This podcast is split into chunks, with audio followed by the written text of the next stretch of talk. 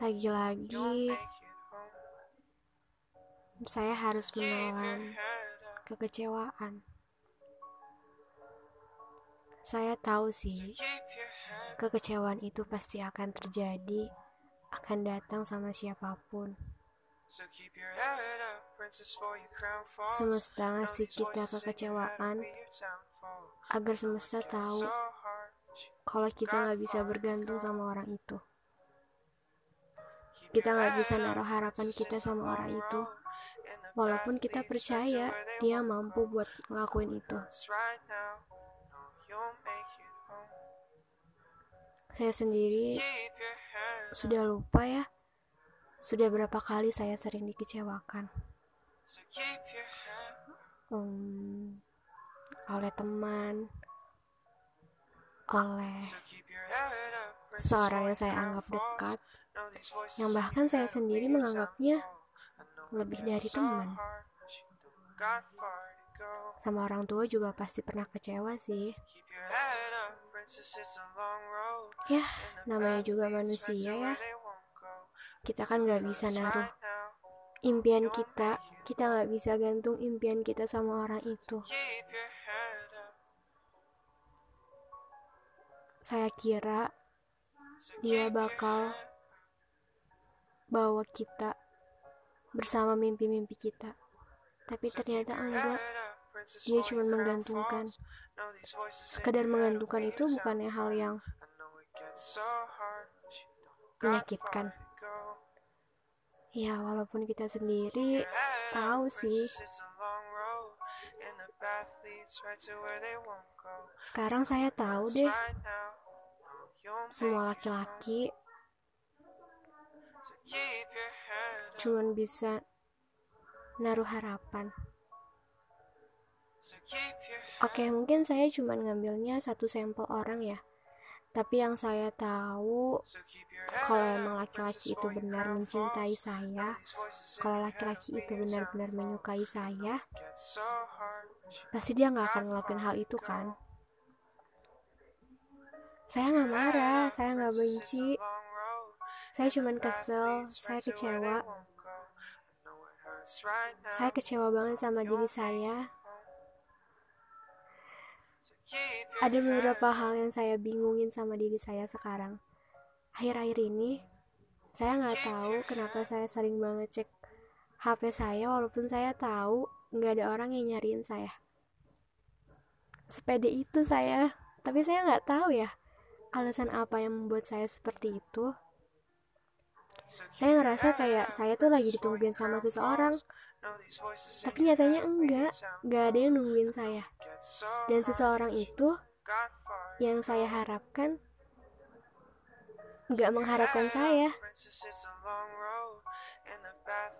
Dunia ya. Hmm, sekarang saya sedang belajar sih. Belajar mengerti keadaan, belajar mengerti perasaan, dan belajar untuk mengontrol emosi. Kadang saya pengen nangis sekenceng-kencengnya. Kenapa masih masih ada aja orang yang jahat banget sama saya? Ya walaupun gak jahat-jahat banget sih, itu karena sepenuhnya enggak eh, sepenuhnya sih. Maksudnya itu juga sebagian dari kesalahan saya. Tapi saya nggak tahu kenapa ya. Kenapa saya bisa seperti itu? Kenapa ada aja orang yang masih jahat sama saya walaupun saya udah baik sama orang? Ya, kita nggak bisa maksa untuk orang baik sama kita kan?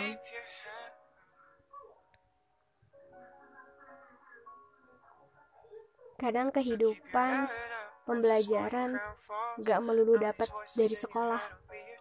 Kadang kehidupan sehari-hari juga mengajarkan kita tentang artinya kebahagiaan, keadilan, kesetiaan, dan masih banyak banget kalau menurut saya. Karena kalau di sekolah itu kita cuma dapat teorinya aja, dan di kehidupan nyata kita benar-benar langsung praktek. Kita benar-benar langsung lihat apa yang ada terjadi langsung, atau biasa disebut uh, real, kisah nyata bukan kisah nyata yang ada di TV-TV ya bukan bukan seperti itu.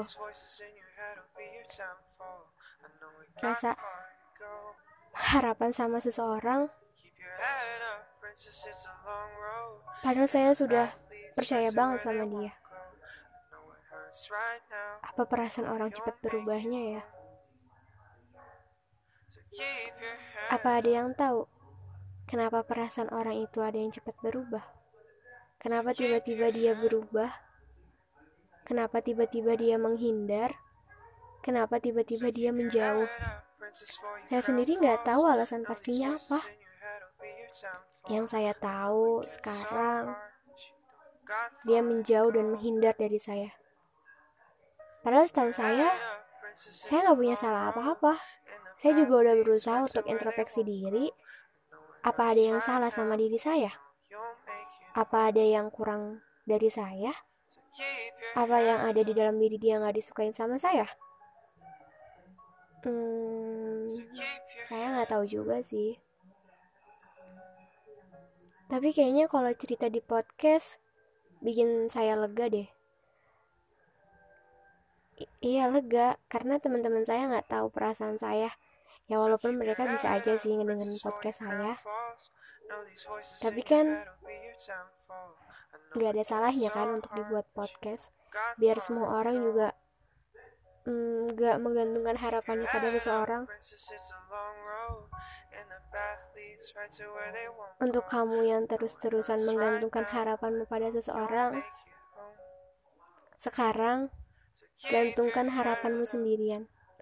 Toh nanti kalau kamu kecewa itu kecewa karena diri kamu sendiri kan bukan karena orang lain. Keep strong ya